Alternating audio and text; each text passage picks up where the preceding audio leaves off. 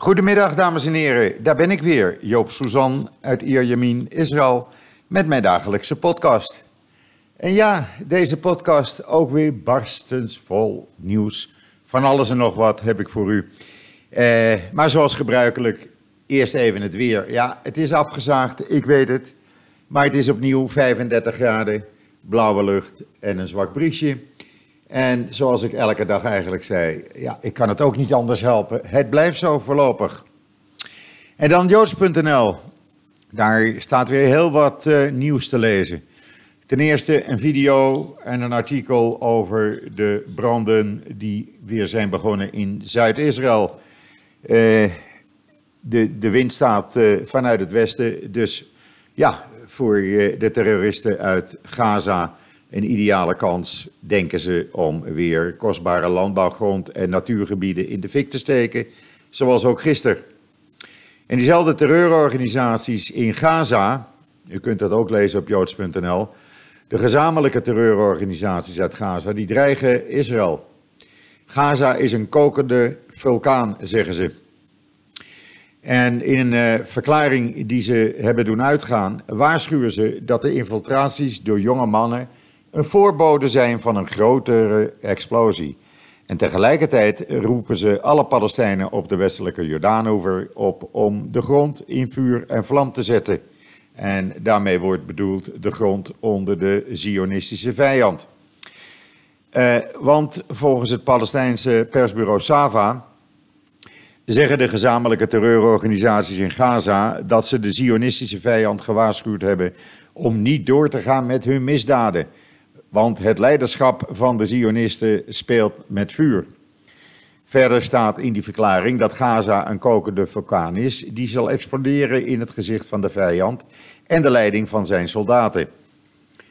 Uh, en dat allemaal uh, onder verwijzing naar de rellen op uh, de Tempelberg ruim een week geleden. dat geeft hun weer een, een reden, een argument om weer te gaan dreigen. Uh, we zullen zien wat daarvan komt. Uh, wie ook dreigt, dat is het Jordaanse parlement. U kunt het lezen op joods.nl. Want die willen dat de Israëlische ambassadeur het land wordt uitgezet. Uh, ook vanwege de rellen op de Tempelberg. Het Palestijnse comité van het Jordaanse Huis van Afgevaardigden. Ja, het is een hele mond vol, maar ik kan het ook niet helpen. Die hebben tijdens een spoedzitting, die werd bijgewoond door de minister van Buitenlandse Zaken van Jordanië de regering opgeroepen de Israëlische ambassadeur uh, het land uit te gooien en de Israëlische ambassade in Amman te sluiten. Ook willen ze dat de vredesverdragen met Israël worden geannuleerd. Uh, en ze willen dat er geprotesteerd wordt bij de Amerikaanse ambassadeur in Amman. Uh, vanwege de steun die Amerika geeft aan, aan Israël. En ook willen ze uiteindelijk dat de Jordaanse ambassadeur in Tel Aviv terugkomt naar huis. Uh, ja, dat kunnen ze dan wel willen, maar ik denk niet dat dit gaat gebeuren. Namelijk, Jordanië heeft te veel baat bij het vredesverdrag met Israël. Ze hebben de, uh, officieel de Israëlische ambassadeur verleden week op het matje geroepen. En gezegd van, uh, dat ze daar ja, hevig ontstemd zijn over de rellen op de Tempelberg. Zoals u weet is Jordanië, zeg maar, de, tussen aanhalingstekens, de bewaker van de Tempelberg en de heilige plekken voor de moslims in Jeruzalem. En dan, ja hoor, ze hebben het gedaan, Ilhan Omar en Rashidi Tlaib. Die hebben gisteravond een persconferentie gegeven in St. Paul in Amerika. En natuurlijk, eh, zoals te verwachten, eh, gingen ze uitgebreid in op het feit dat ze niet naar Israël konden komen. En wat, uh, wat willen ze nu? Uh, tijdens die persconferentie, waar ook een heleboel BDS-aanhangers het, woord mochten doen, die ook Israël niet aankwamen, zijn ze lekker tekeer gegaan tegen Netanyahu en tegen Trump. Want, zeggen ze, uh, de acties van Israël, die vinden de beide moslimdames niet verenigbaar met een democratie of bondgenoot van de VS. En zij beschuldigen ervan, uh, Israël er ook van dat het een apartheidstaat is. Doordat zij niet werden toegelaten. Nou, ik denk dat ze daar weer een leugentje vertellen. Want ze werden niet toegelaten vanwege de BDS. Die Ilhan Omar die ontkende dat de beide dames niet van plan zouden zijn geweest Israëlische functionarissen te ontmoeten. Want, zei ze, we hadden, we hadden plannen om bijeenkomsten te maken, plannen, met Arabische Knessetleden en vertegenwoordigers van die eh, controversiële ultralinkse organisatie Breaking the Silence. Ja, dat zijn geen echte Israëlische functionarissen, zou ik zo zeggen. Dan had je moeten zeggen van uh, wij willen ministers of uh, Israëlische Knessetleden of wie dan ook ontmoeten. En ook, ook vinden de beide moslimdames van het, Democraat, van het Amerikaanse congres dat Israël de uitbreiding van nederzettingen op Palestijns land moet stoppen en volledige rechten voor de Palestijnen moet waarborgen. Het uh, mag bekend zijn na, ik weet niet of u dat weet, maar in ieder geval is het bekend dat Omar en Tlaib voorstander zijn van één staat voor Joden en Palestijnen. Nou, en dat is nou net precies iets wat niet zal gaan gebeuren, want dat betekent dat eh, de Joodse meerderheid een Joodse minderheid gaat worden, waardoor de Palestijnen de baas zullen worden. Uh, zij vinden, uh, Omar en Tlaib, dat ze een constructieve rol kunnen spelen. En hoe constructief dan? Nou, zij vinden dat de hulp aan Israël moet worden gestopt, uh, zolang zij niet worden toegelaten. Ja, je kan het natuurlijk ook omdraaien. Het gekke is dat je niemand hoort spreken dat de trip van Omar en Tlaib georganiseerd was door Miftah. Dat is een Palestijnse organisatie die bekend staan om hun antisemitisme, hun antisemitische uh, artikelen op hun website, gaat u maar kijken, en antisemitische, uh, of bindingen met antisemieten overal in de wereld. Daar hoor je niemand over. En daar hoor je ook Omar en Tlaib niet over. Je hoort ze ook niet over het feit dat beide moslimdames nogal gecharmeerd zijn van antisemitische organisaties en bekende antisemieten in Amerika. Buiten het feit dat ze natuurlijk nu eh, ook duidelijk actief lid zijn van de BDS. Op 2 juni blijkt al uh, dat Netanyahu een brief aan de Democratische Partij heeft gestuurd om uh, Omar en uh, te veroordelen voor hun steun aan de BDS. De Democratische Partij heeft dat niet gedaan. Wat ook opvalt, is dat beide dames niet spreken over het feit dat er begin augustus een grote, een grote delegatie van democratische congresleden in Israël was, een week lang.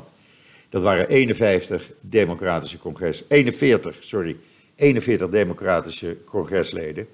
Die waren in Israël op bezoek, hebben met iedereen gesproken die ze wilden spreken. Zijn ook nog bij eh, Abbas langs geweest. En daar konden ze aan meedoen. Maar dat wilden ze niet, want zij hadden namelijk hun eigen agenda. Ja, je kan het natuurlijk allemaal omdraaien, maar deze beide dames, het zijn uh, Israëlhaters en die zijn absoluut niet kosher. U kunt de hele persconferentie trouwens zien op joods.nl. We hebben de video daar opgezet. Uh, de IDF is een stap dichter bij de aankoop van de 14 V-22 Osprey helikopter. Uh, dit zijn uh, helikopters die kunnen vliegen als een vliegtuig en landen als een, en opstijgen als een helikopter. U kunt de video op joods.nl zien. De motoren namelijk, die kunnen eh, verticaal en horizontaal bewogen worden, heel apart. En dat zijn hele grote helikopters die uitstekend geschikt zijn, zegt de IDF, voor speciale operaties. En dan een uh, hele mooie video op joods.nl over het nationale park Corazim. Corazim ligt net boven Capernaum aan de noordelijke oevers van de uh, het meer van Tiberias. En uh, Chorazim was de stad die door Jezus werd veroordeeld. Zoals staat in de Bijbel in Matthew hoofdstuk 11 en Luc uh, hoofdstuk 10, 13-15. in de Babylonische Talmud wordt vermeld dat Chorazin een stad was die bekend stond om zijn vele graan. De naambron kan de, uh, de naambron kan de wortel karos zijn, wat in het Hebreeuws omroeper betekent. In Korazim kunt u nog de ruïnes zien van een grote, indrukwekkende synagoge. Die werd gebouwd in de late derde eeuw en vernietigd werd in de vierde eeuw. En weer opnieuw herbouwd in de zesde eeuw en werd gebruikt tot de achtste eeuw. Het einde van de Talmoedische periode. De drie deuren van die uh, synagoge, u kunt dat zien op de video, die kijken uit op het zuiden richting Jeruzalem. En het werd gebouwd met zware basaltstenen uh, met Joodse motieven erop. Ook is er uh, een, uh, een replica te zien van de stoel van Mozes. Heel bijzonder.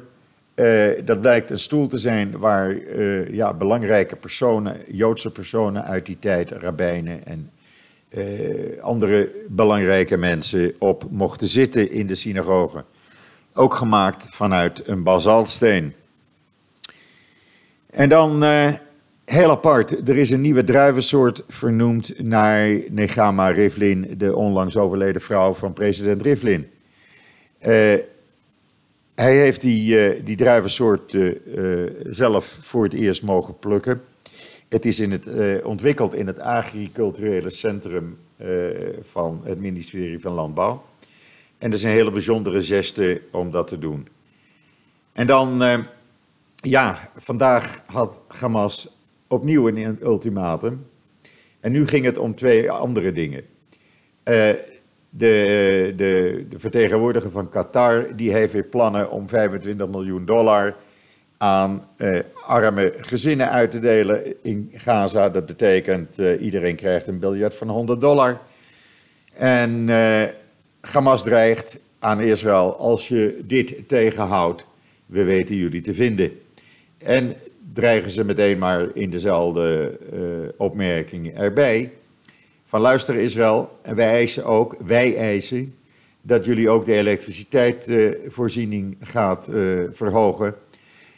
en dat doe je maar met ingang van aanstaande zondag. Zo niet, dan zullen we jullie kunnen vinden. Ja, ze dreigen wat af daar. ja, natuurlijk, het is daar heel erg wat betreft elektriciteit. Uh, de enige elektriciteitscentrale werkt amper in Gaza. De elektra komt vanuit Israël. Wordt niet betaald door Hamas of Abbas. Uh, vanuit Egypte krijgen ze geen elektra meer. Dat is uh, een, tijd terug, een lange tijd terug gestopt. Toen Egypte de grens met Gaza sloot. En hebben toen ook de elektriciteitsvoorziening afgekapt vanuit Egypte. Dus ja, uh, uh, ze kunnen wel eisen, Israël moet dit en Israël moet dat. Maar uh, kijk ook eens naar andere landen, zou ik zeggen. Dan op joods.nl een, een artikel over de organisatie Together Beyond Words. Het is een organisatie opgericht door een aantal Joodse en Arabische vrouwen om door middel van artistieke projecten, dans, toneelspel, gedichten de vrede te, te bevorderen tussen Joden en Arabieren. En uh, ja, het feit dat het Joodse en Arabische vrouwen zijn die dat gezamenlijk doen, nou, dat is toch wel uniek en uh, dat werkt absoluut. En dan hebben we weer een, uh, ja, een smartphoneoorlog, denk ik, in Israël. Nou, zijn sinds 2012 de prijzen voor abonnementen uh, voor telefoongebruik enorm gedaald. Toen hadden we ook een oorlog hier. Uh, ik betaal uh, voor mijn telefoon bijna niets. Je kan onge, ongelimiteerd bellen. Er is geen limiet. je kan naar het buitenland bellen via VoIP. Dat betekent als ik er een, het cijfer 12 voor een Nederlands nummer zet, dan kost dat gesprek mij niets want dat gaat dan via internet. En ik kan naar vaste lijnen en uh, telefoonlijnen in Amerika, Nederland, Frankrijk en nog een aantal landen, kan ik ook gratis bellen. Uh, en dat kost dus ook helemaal 0,0.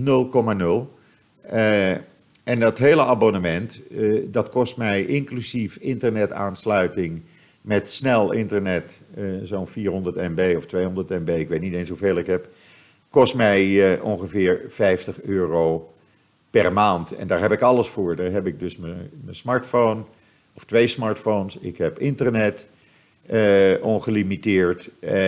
nou ja, noem maar op. je kan zo gek niet bedenken of het zit er wel in. En ja, nu is er een, eh, een nieuwe speler op de markt gekomen. Of eigenlijk niet helemaal nieuw.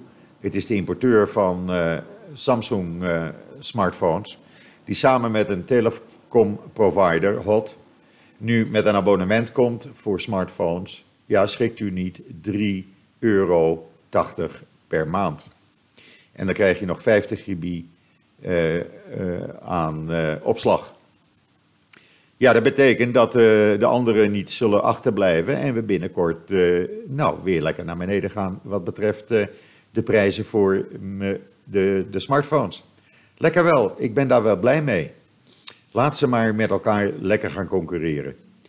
Ik, ik hou u daarvan op de hoogte, maar u ziet, het is een behoorlijk stuk goedkoper dan u in Nederland betaalt. en dan vandaag, ja, een beetje trieste dag. Want het is vandaag precies negen jaar geleden dat Connie Mus overleed. Connie Mus, u weet het ongetwijfeld nog wel, de RTL-verslaggever eh, die in Israël woonde. Gabber van mij en van vele anderen. En uh, ja, hij wordt nog steeds uh, door mij, maar ook door anderen gemist. Er is na Connie nooit meer een journalist geweest die zo goed verslag deed van wat de situatie in Israël is en wat er hier gebeurde. Hij had geen voorkeuren voor Israël of Arabieren. Hij gaf het verslag zoals het was. Ik ben vele keren met hem meegegaan.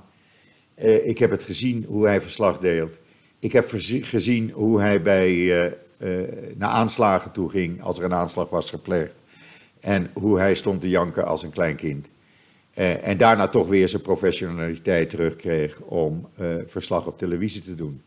Connie was een echte Amsterdammer. En daarom konden we het ook goed vinden, Connie en ik. Ik ben ook een Amsterdammer. En we hebben een grote smol, en dat had Connie ook. Maar Connie had zo'n klein hartje.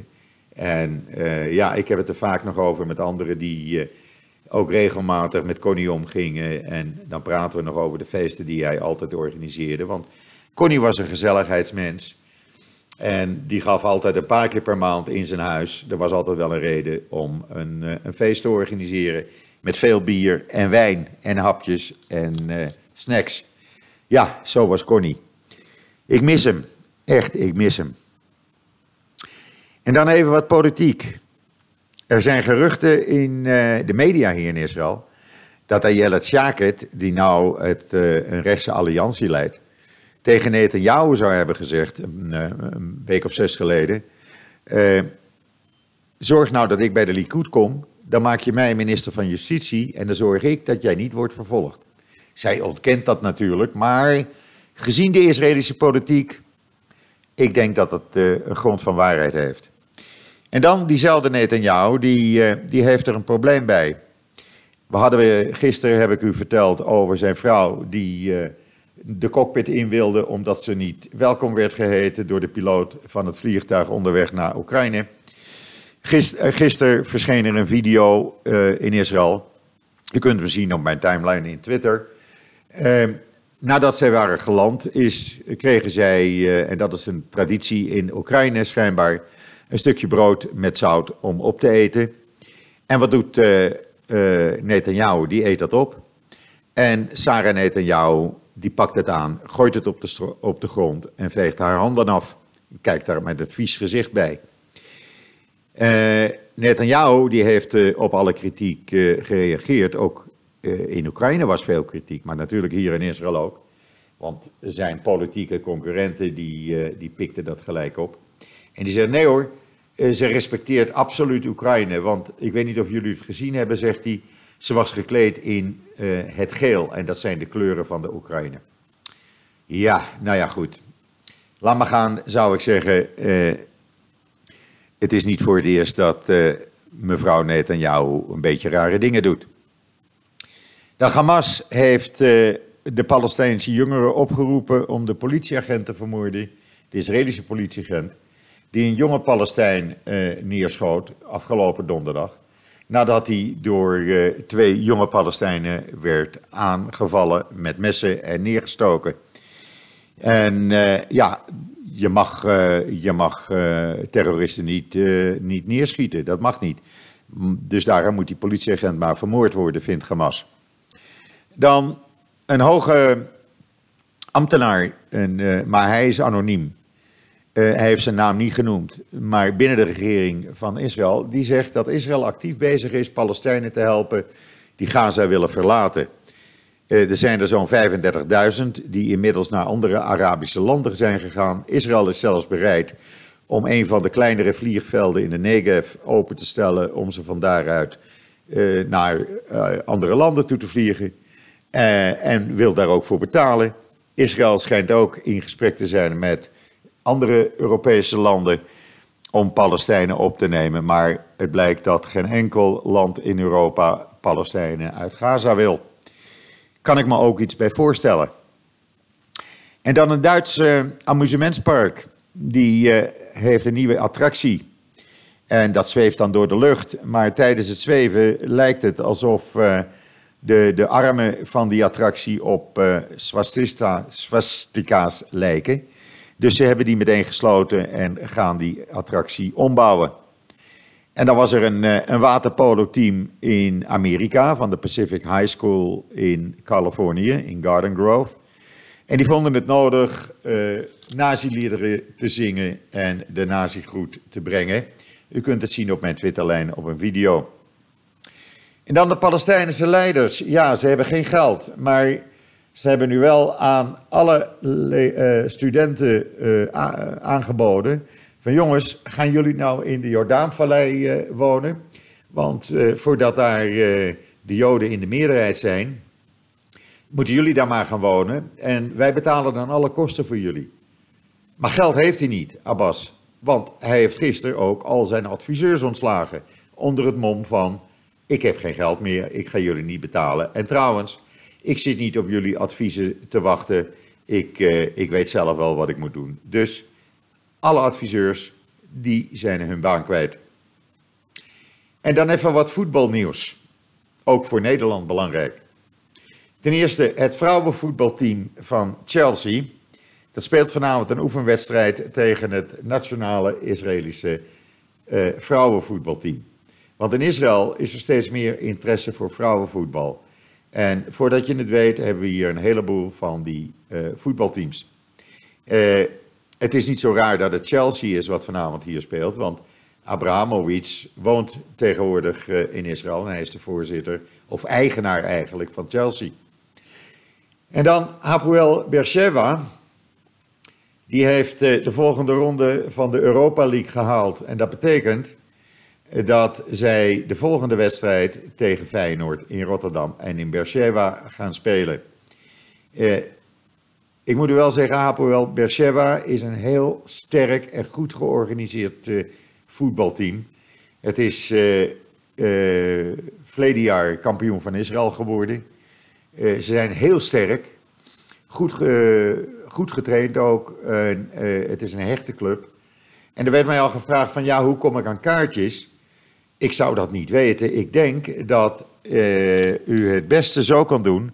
Stuur een e-mail naar Hapoel Beersheva. Ik zal het ook nog even gaan uitzoeken de komende dagen. Maar ik denk dat het heel moeilijk zal zijn, want Hapoel Beersheva heeft een hele grote uh, aanhang uit heel Israël. En die gaan altijd met z'n tienduizenden naar uh, de wedstrijden in Beersheba toe. In ieder geval, het wordt leuk. Een Israëlisch voetbalteam tegen Feyenoord. Goed, dat was het nieuws zover uh, het nu is uh, voor vandaag. Er zal er wel wat nieuws bij komen, maar dat ziet u dan vanzelf op joods.nl. Ik moet u zeggen, we zijn uh, erg blij met de vele belangstelling op joods.nl.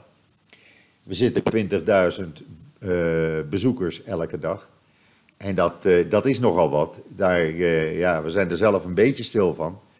Uh, heeft u ideeën voor de website? Heeft u zelf iets interessants waarvan u zegt van goh, kunnen jullie dat niet plaatsen? Laat het ons weten, gebruik de mail en stuur het ons op. En dan zullen wij, wij zorgen dat het online komt. Eh, want ja, joods.nl is er niet alleen om u eh, op de hoogte te brengen van het nieuws in Israël en de Joodse wereld zoals het echt gebeurt. Maar ja, wij weten ook niet alles en het kan best zijn dat u zelf hele interessante onderwerpen heeft. En eh, ja, dat zijn wij eh, absoluut heel blij mee om dat op de website te zetten. Goed, dan rest mij nog om u een hele fijne voortzetting van deze dinsdag, de 20 augustus, toe te wensen. En wat mij betreft zeg ik zoals iedere dag: tot ziens, tot morgen.